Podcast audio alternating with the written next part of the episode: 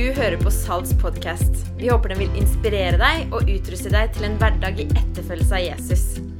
Du er alltid velkommen til våre forsamlinger, og akkurat nå starter vi opp i Trondheim og Skien i tillegg til de forsamlingene vi har i Hordaland. Sjekk våre nettsider for mer info. Og nå god lytting. Fint å se alle sammen på eh, Palmesus. Det er jo fantastisk. Vi har jo en, eh, en eh, Dere må følge med nede i, i underetasjen her. Eh, så er pynten den er jo litt questionable eh, året igjennom. Eh, dette bygget har jo underlig pynt. Men i dag dere, så vil jeg at alle skal gå ned og legge merke til hvordan pynten er langs langs etter taket nede. For der er det faktisk palmeblader. Det er jo bare denne dagen i året det stemmer. Så det er jo aldeles fantastic. Og så har jeg lyst til å si det at eh, hun som er presens for biskopen i Norsk kirke, eh, hun skriver i dag i en hovedstadsavis så skriver hun om, eh, om eh, påskefeiringen i Norge og sier det at det som gjør at Norge er så annerledes fra andre land, det er det at gudstjenesteoppmøtet i påsken i Norge er halvert i forhold til andre dager i året.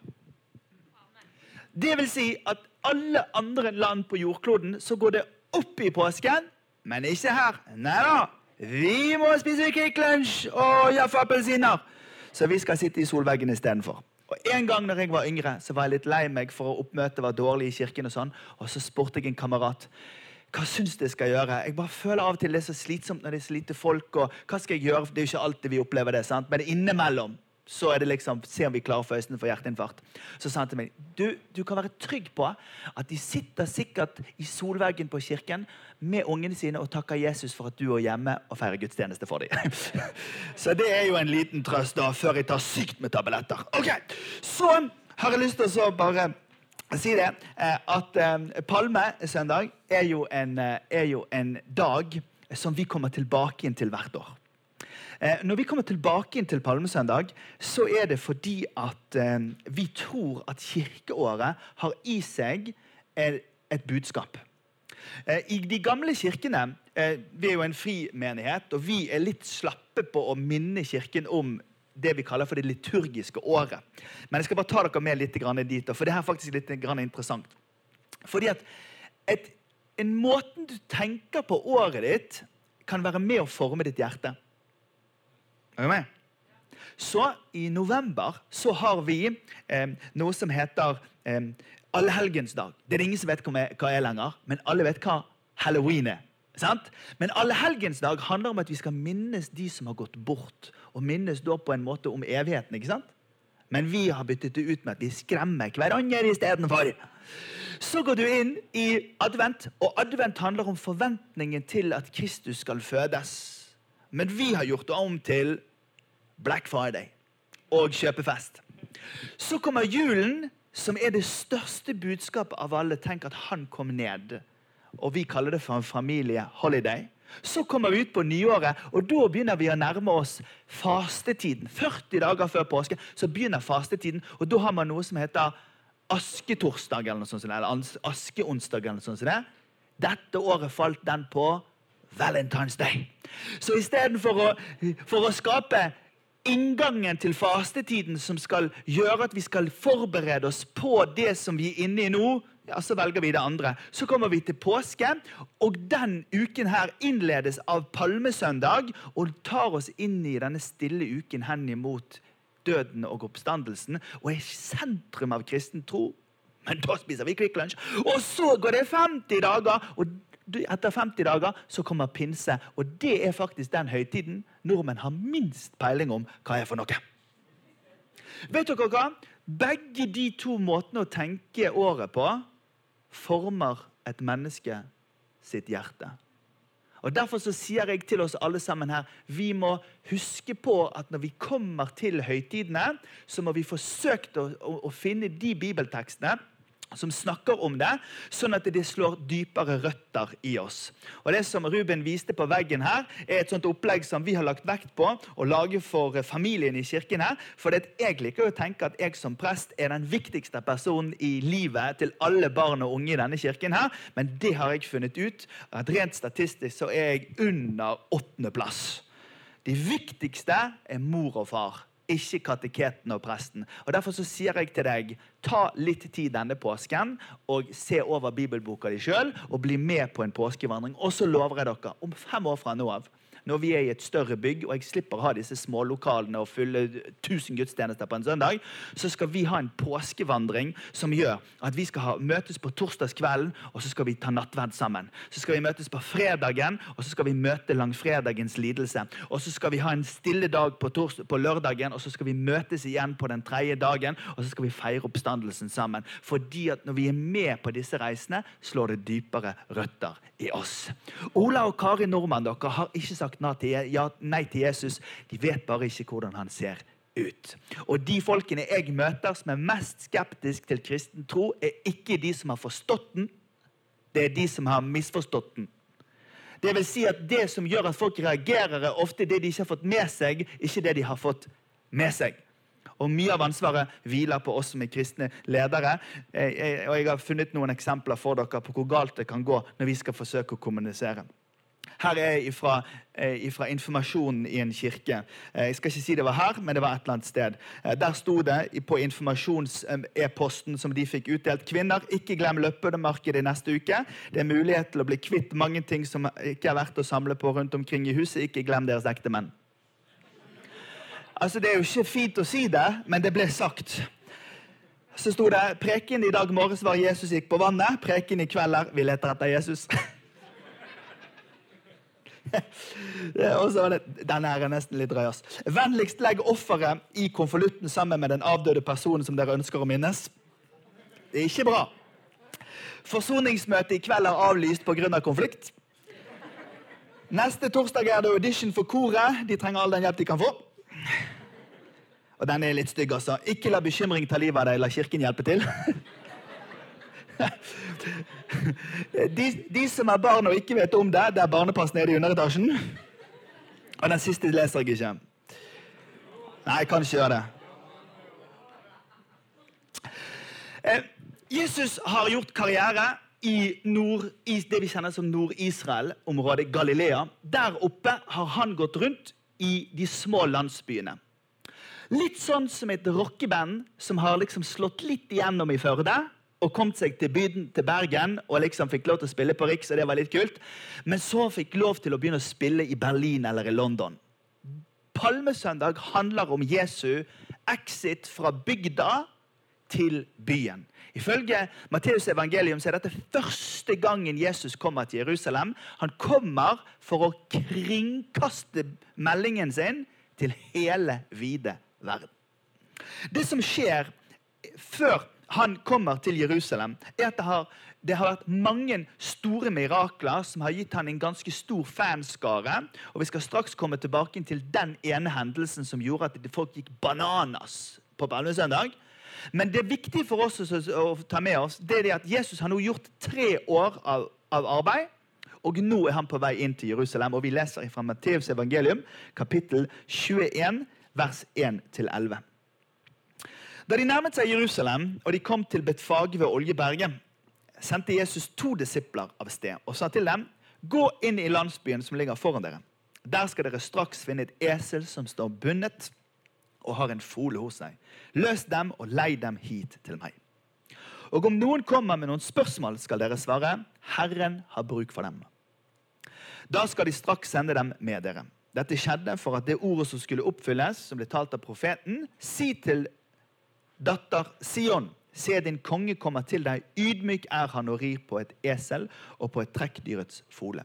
Disiplene gikk av sted og gjorde som Jesus hadde sagt, og hentet eselet og folen. Så la de kappene sine på dem og satte seg opp. Og han satte seg opp.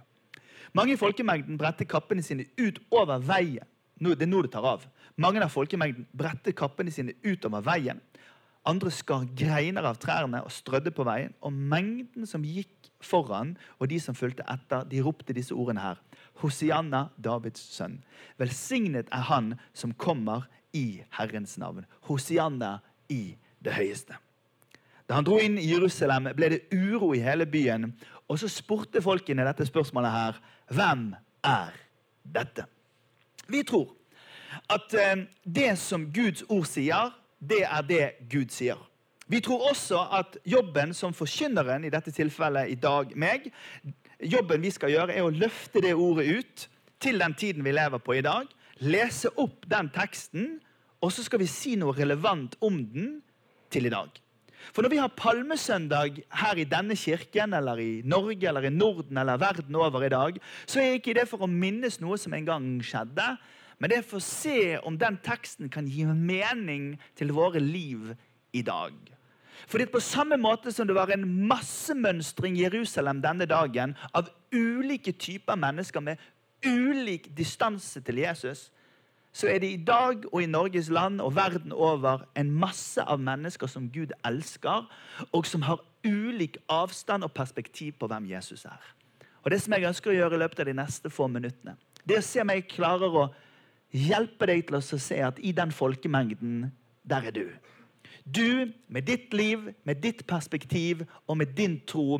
Og så håper jeg å kunne flytte deg litt nærmere Jesus i løpet av de neste minuttene. Fordi det er det påsken handler om. Påsken handler om at han kom for alle, og han ønsker å invitere alle. Den første gruppen vi skal se på, det er den gruppen som eh, var fans av Jesus. Jeg elsker jo å være pastor. Dette er jo verdens beste jobb, i hvert fall på gode dager.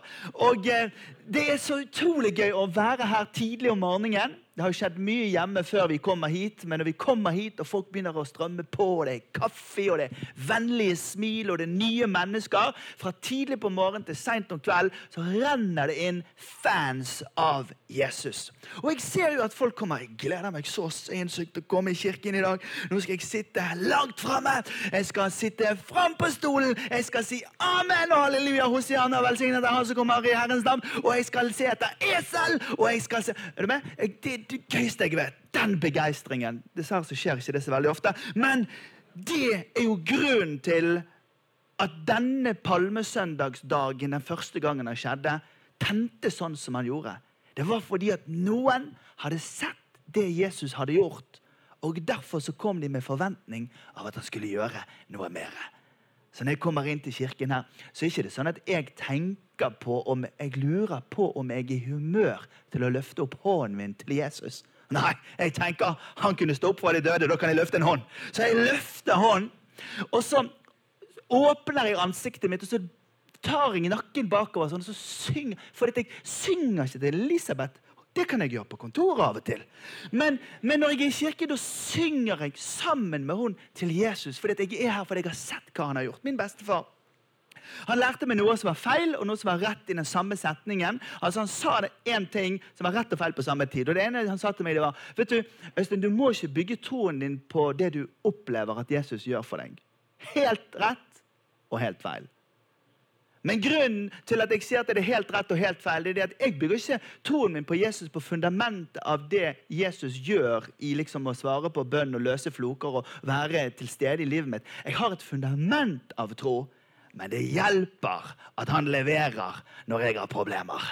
Det hjelper at jeg får tro av de ordene jeg hører. Det hjelper at han virker med. Og det er de blodfansene som er fremst der i køen på palmesøndag. Fordi Jesus har akkurat vært i Betania på hjemmebesøk hos Martha og Maria. Og Martha og Maria var to søsken som var ganske forskjellige, men de hadde en bror som var død. Og Det var det som var kjipt i den situasjonen. En dag, to dager, tre dager, fire dager. Jesus utsatte å komme på besøk hjem til dem, fordi han holdt på å legge opp til smashen som han skulle kjøre i påsken. Så touch 1 det var å gå hjem og besøke Martha og Maria. Og Martha løper ut og sier, 'Hadde du vært her, Jesus, hadde ikke min bror vært død.' Og Det ender opp med en teologisk samtale. Han sier 'jeg er oppstandelsen og livet', sier han til henne, men hun bare diskuterer videre. Litt sånn som noen av studentene i denne byen gjør. Istedenfor å faktisk oppdage Jesus, så diskuterer man bare teorier med han. Men så kommer Maria. Og Maria hadde vært på bønnemøte og hun hadde et mykt hjerte, så hun sa Jesus, hadde du vært der, så hadde ikke min bror vært død. Eksakt den samme setningen. Og Bibelens korteste vers dukker opp. Jesus gråt. Og Så går Jesus ut, og så roper han til Lasarus inne i graven. Og så kommer Lasarus ut av graven levende. Og så står det i Johannes kapittel 11. Far, jeg takker deg fordi du har hørt meg. Jeg vet at du alltid hører meg, men jeg sier dette pga. alt folket som står omkring, så at de skal tro at du har sendt meg. Jesus står i byen Betania og demonstrerer et frampek på det som skal skje i påsken. Oppstandelsen. Og han gjør det så at han får tent fansen. Fordi at det er de som blir tent den dagen. Det står svart på hvitt i Johannes 12, vers 17. Så står det alle de eh, som hadde vært til stede da han kalte Lasarus ut av graven og vekket han opp fra de døde, de tvitret om det. De facebooket det. De sendte inn kronikker til Bergensavisen om det. De snakket om det på kafeteriaen på jobb. De la det ut som en sånn Det der har vært med på en fantastisk happening. Lasarus har stått opp. And Jesus Christ is the superstar. Johannes 12, vers 18 så står det det var også derfor folk dro ut for å møte ham. Fordi de hadde hørt at han hadde gjort dette tegnet. Palmesøndag handler om at Jesus med det store, gode ryktet kommer ut i gatene. Og folkene som hadde sett han vinne over døden, var begeistret rundt han. Og de skapte et hysteri i gatene fordi han er oppstått igjen. Og Noen av de folkene de eh, er her i kirken vår i dag, og noen av de er i Norge. Og så er det noen andre da, som stiller dette spørsmålet Hvem er dette? på en nysgjerrig og god måte. Eh, for biskopen Byfiglin, som er fra Bergen, hun eh, siterer i en av hovedstadsavisene i dag en undersøkelse som kom ut for et par år siden. Som viser at eh, er det 37% av Ola og Kari sier 'vi tror ikke', 34% sier 'vi tror', og 23% sier 'vi er usikre'. Majoriteten av Ola og Kari Nordmann er fortsatt åpen for at det fins en Gud, og at det fins en Jesus som er betydningsfull for mitt liv. Det er virkeligheten, uansett hva vi tenker. Og saken er den at veldig mange mennesker lar seg påvirke av andre mennesker sin overbevisning. Det er derfor det er så viktig med de der første langs gaten på denne palmesøndagen. De der som liksom bare at Jesus, I love you. I love my church. Jeg løfter hånd. Jeg danser i hjertet. Jeg klarer å bevege kroppen min til rytmisk musikk. Jeg er glad i deg, Jesus. De ser ikke ut Altså, de som ikke har drukket sviskejus, de som ikke har drukket sitronjus, de som ikke sitter og tenker Nei, vi må De folkene er utrolig viktige. Vet du, Det som smitter tro, det er andre menneskers entusiasme. Og Min erfaring at pastoren i denne byen her er nå snart 20 år, min erfaring er at det er når folk står i entusiasme og glede ovenfor Jesus, så smitter det tro på andre mennesker. Her er en folkeopplysning. Jesus er ikke fysisk her. Men du og jeg er fysisk her.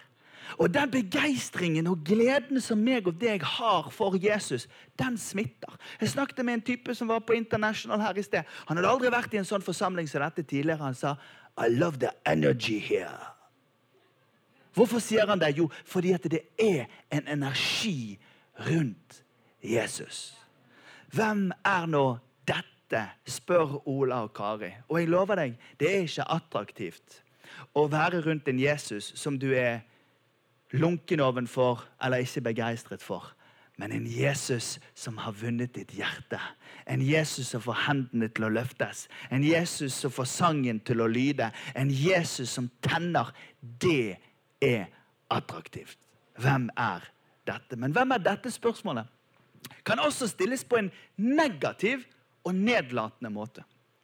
Og For Jesus så var det sånn at det var mange muligheter til å krangle med folk. Og Jesus han kranglet med folk. Og de han kranglet aller mest med, det var religiøse ledere. De hadde sånne regler. De hadde litt aksent. Du får ikke lov, sa de. sant? Nei, det er ikke bra, ikke bra, ikke bra, ikke bra, sa de. Og de sa til Jesus at dere må ikke spise, dere må ikke sanke mat på sabbaten. Men da sa Jesus vi skal sanke mat på sabbaten. Litt sånn som sønnene mine, Jesus. Det, akkurat der ligner de han. Eh, så, så de går da langs gjennom åkeren, og så spiser de korn i åkeren. Og det er arbeid. da, Definisjonen av arbeid. Skulle tro det var fransk arbeidsrett. Ikke sant? Liksom, Det er arbeid. Og så spiste de det. Og så sa de det ikke, bra, ikke helbrede på sabbat. ikke bra. Og så sa de vi tar og helbreder noen på en sabbat. Så fant de litt lamme folk og litt folk som hadde litt vondt i ryggen og hodepiner og, og vokste ut armer og bein på, på de riktige stedene. men det vokste ting. Og, og, og Jesus helbredet dem. Hvorfor gjorde han det? Han gjorde det fordi han ønsket å demonstrere at folk er viktigere enn regler.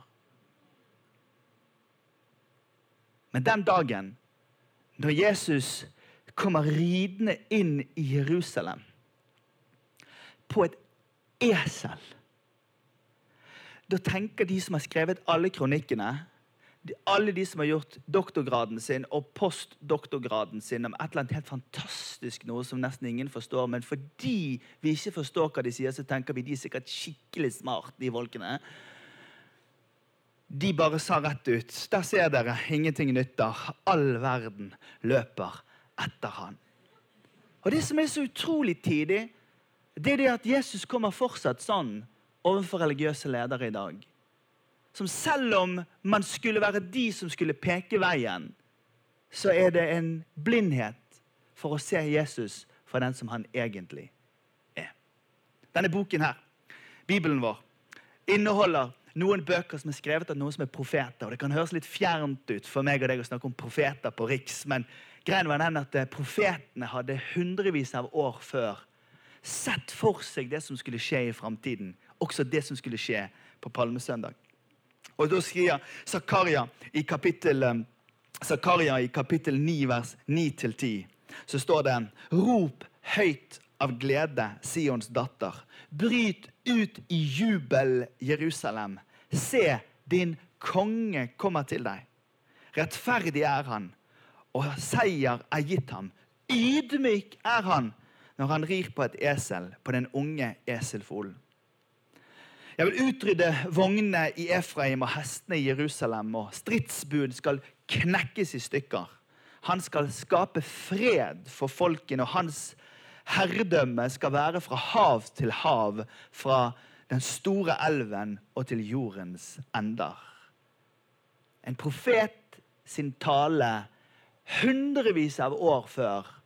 Men firkantene i de religiøse paradigmene var så blendende at de så ikke at han som rir inn i Jerusalem i dag, det er han. En annen gruppe som var i Jerusalem den dagen og stilte spørsmålet hvem er dette, det var intellektuelle. Du vet, Jerusalem er jo en verdensby, et veikryss mellom tre kontinent. og I Nord-Afrika hadde du et stort intellektuelt miljø. og Du hadde det samme i Midtøsten og så hadde du det samme i Hellas. Og Disse folkene de beveget seg rundt omkring og diskuterte. Det garantert var de folkemassene noen sånne som oss. Som har studert på universitetet, og som har svaret på det aller meste. Når du sitter her i Norge, så kan du tenke at det er jo, det er jo kjørt for den som tror på Jesus. For det er opplest og vedtatt at det er bare det vi ser her og nå, som eh, kan regnes på. Det som er i vitenskapsismen, det som er resultatet, og resten etter sekulariseringen, det er det vi har på bordet til dette spillet. Dette mellom himmel og jord, det er spilt. Og så kan man oppstå en sånn intellektuell arroganse som gjør at fordi det er de brillene som er på, så ser man ikke at Jesus kommer. C.S. Lewis. En fantastisk intellektuell og akademisk kapasitet. Han eh, sto så hardt imot den kristne troen helt til han med åpent sinn undersøkte det for, egne, for egen skyld.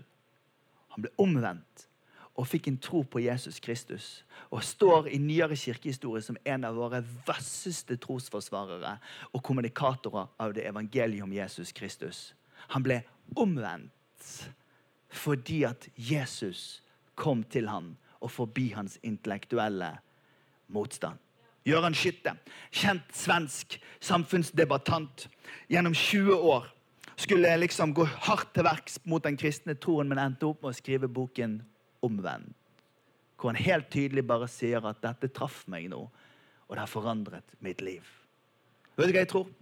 Jeg tror at vi bor i en del av verden som vi skal være stolt av at vi får lov til å bo i. Og jeg er utrolig glad for både de folkene som, som forsker, og de folkene som leder, og de folkene som debatterer. Men det jeg ikke er glad for, det er at det rommet er så trangt at det er bare plass til noen få meninger i dette.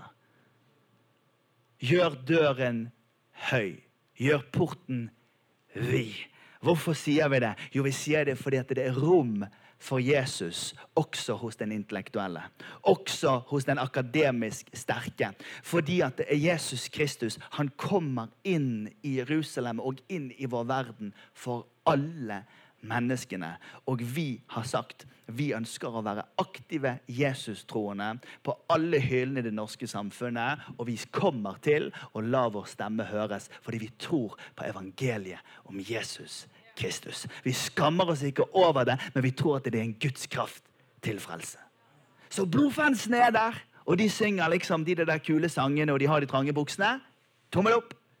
De åpent nysgjerrige som ikke har peiling, men de er ganske attrahert av det, for de syns det er ganske spesielt at det går an å ha mer i livet sitt enn en kul veske og en flat bil og en fin hytte på fjellet. Gud, går det an at livet inneholder mer enn det? Ja, ganske attraktivt, så de er åpent nysgjerrig. Så er det de kjipe nysgjerrige, som, som er nedlatende pga. deres religiøse overbevisning. Og så er det de som er nedlatende pga. sin intellektuelle blindhet og sine, uh, sine faste kategorier. Men det er plass til alle i påsken. Og så er det noen andre der. Og de syns jeg er de gøyeste i hele fortellingen. Det står at det var noen grekere blant dem som var kommet for å feire høytiden. Det var noen grekere blant dem. De har altså tatt en cheap airline fra Aten til Tel Aviv, og så har de tatt taxi til Jerusalem. Du vet, De her var verdens første turister. Du vet, Vi nordmenn vi er jo 15-16 stykker som bor i Norge. Men overalt der jeg er på planeten, i jobbsammenheng, så treffer jeg en nordmann. For vi er jo så velfødde på Cheap Airlines at vi er jo overalt til enhver tid. Og måten jeg kjenner igjen nordmennene på, det er to ganske gufne kjennetegn.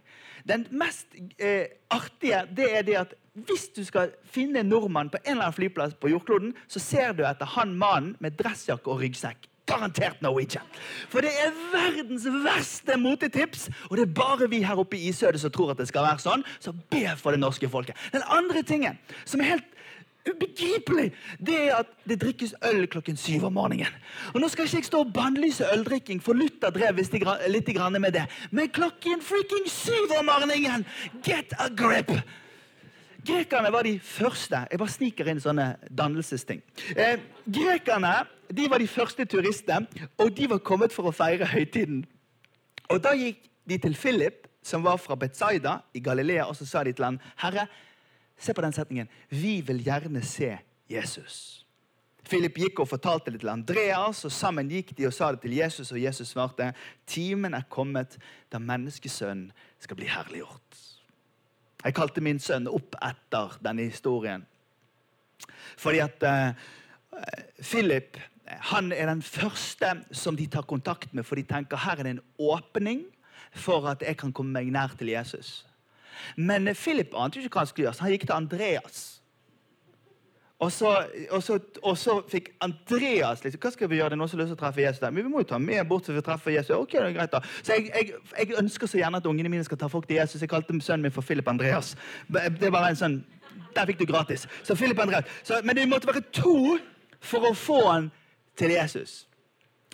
Og Nå sitter de i et smau på en italiensk restaurant. De har akkurat åpnet flasken med litt boblevann. Ute hører de byen brøle Hosiana velsignet er Han som kommer i Herrens navn. Og nå er de inne i smauet på den italienske restauranten. Og disse grekerne kommer inn og de sier det er du som er Jesus. Ja, det er jeg som er Jesus. Altså, For Jesus er svensk, det vet vi alle. sant? Ja, det er jeg som er han. Nei, dette, nå skal jeg ikke tulle. Nå er det palmesøndag. Så, men scenen er sånn som dette. At ute på gaten så er CNN, NRK China News, Fox News De er alltid der hvis det er et eller annet religiøst som skjer, så de måtte være med. Eh, eh, og så, så, er liksom de der. Det er sånne folk med mørke dresser og propp i øret langs greiene rundt. Og statsrådene til Jesus de bare tenker dette Nå er vår tid kommet. Nå har vi gått og sparket småstein oppe i Galilea i tre år. Sovet under åpen himmel. Fått sinte e-mailer fra konene våre om at vi må komme hjem og vaske bilen. Nå er vi endelig kommet til det tidspunktet hvor Jesus Christ Superstar will take over world dominion and we will become the greatest ministers of history. Og de satt sånn Jeg vil være kunnskapsminister. Jeg vil være kommunalminister. Og det var jo garantert ledig stilling som bistands-, inkluderings- og innvandringsminister. Sant? Det var sikkert en av de som ville være det. En sunnmøring som var litt sånn. Men, men, men de tenkte at nå er vår tid for å skinne. Og så sier Jesus tiden er kommet for at menneskesønnen skal herliggjøres. Problemet er hadde han sluttet å snakke der, så hadde de trodd at dette kommer til å gå bra. Men inngangen til påskeuken så sier Jesus disse ordene. Hvis ikke hvetekornet faller i jorden og dør, så blir det bare med det ene kornet. Men hvis det dør, bærer det rik frukt. Den som elsker sitt liv, skal miste det. Den som hater sitt liv i denne verden, skal berge det og få et evig liv. Det er jo gåtefulle ord. Om noen vil tjene meg, så må han følge meg. Og der jeg skal, skal min tjener også være. Den som tjener meg, skal få ære av Faderen. Det er gåtefulle ord. Men la oss ta tak i den første setningen. Om ikke hvetekornet faller i jorden og dør, så kan ikke alle få det evige livet. I 1945 så gikk Norge som nasjon nesten av hengslene en maidag fordi kongen vår kom tilbake igjen til Oslo havn. Og ble tatt i en prosesjon opp over Karl Johan hen mot Slottet. Og vi jublet oss hese fordi at symbolet vårt på nasjonen vår og friheten vår og samlingen vår vår sjef var fortsatt levende. Skal du seire, så må kongen leve. Men ikke sånn denne påsken. For han som kommer inn i prosesjon og feires og hylles, han sier jeg skal herliggjøres og jeg skal krones på en annen måte enn alle andre konger. Fredagen denne uken så heises han opp på et kors hvor han sitter og nagles til et tre.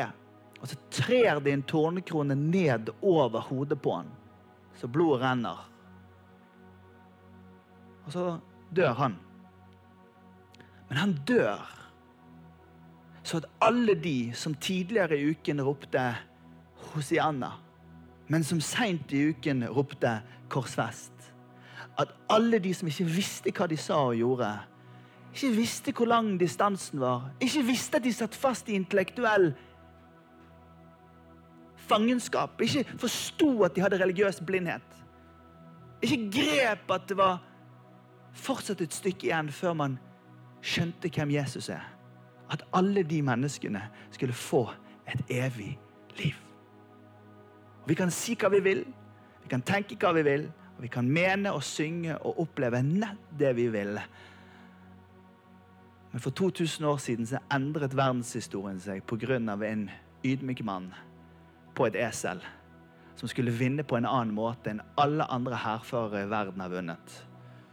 Og det var ikke med å overleve, men det var å legge seg sjøl ned og dø i vårt sted.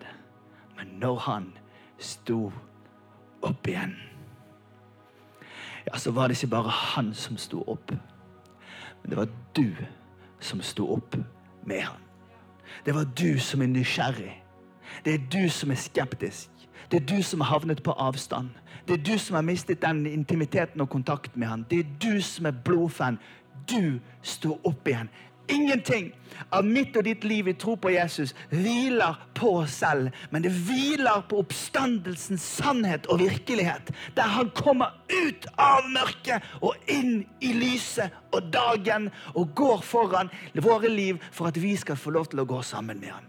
Du som er nedfor. Du som har mistet motet. Du som holder på å få en tro som forvitrer. Du som sitter fast i tankebygninger som har bare reist seg opp og sugd gleden ut av ditt trosliv. Hør Herrens ord. Påsken 18 er din. Du er inkludert i denne ukens mirakel. Det er i ditt sted han dør, men det er i ditt sted han også står opp igjen. Og det er rundt det, uavhengig av hva som skjer, at vi lever vår tro. Vi har fått det for ingenting. Og vi kan få gi det for ingenting, fordi oppstandelsen er seieren over døden for alltid. Så vi reiser oss opp. Herre, vi takker deg for sannheten i de ordene som vi i dag leser. Herre, vi takker deg for at i palmesøndagen, den første gangen, så inkluderte du alle. Og denne kvelden og denne dagen i 2018 så inkluderer du fortsatt alle. Herre, jeg takker deg for alle kategoriene jeg har bedt for i dag. Og jeg skal begynne med de som ville se deg, Jesus. Herre, jeg ber for alle i Bergen som er søkende, og som søker etter å bli kjent med deg, Jesus. De dukker jo opp alltid i nærheten av der du er elsket. Og Jesus, jeg ber for de som er her i kveld, at de skal få lov til å bli kjent med deg. Jesus, jeg ber for de som sitter fast i sin intellektualisme og i sine kategorier her, og tror at verden bare skal ses gjennom en visst brilleglass. Jeg ber om frihet i Jesu navn. Herre, jeg ber for de som sitter fast i religiøse mønster som, som har gjort det vanskelig å få øye på en nådefull, inkluderende, raus mirakelgjørende, kjærlig og nær Jesus. Jeg ber for dem. Jeg ber for naboer og venner og kjente, Herre, som ser begeistringen, men ikke forstår poenget. Jeg ber Herre om at vi skal være sånne i vår tid som sier velkommen nærmere, så du kan få lov til å ta en titt. Og så takker jeg deg for blodfansen. Jeg takker deg for de som har sett og hørt om deg og opplevd din trofasthet, og derfor løfter sine hender i begeistring og sier Jesus, velsignet være du. Herre, vi takker deg for det i Jesu Kristi navn.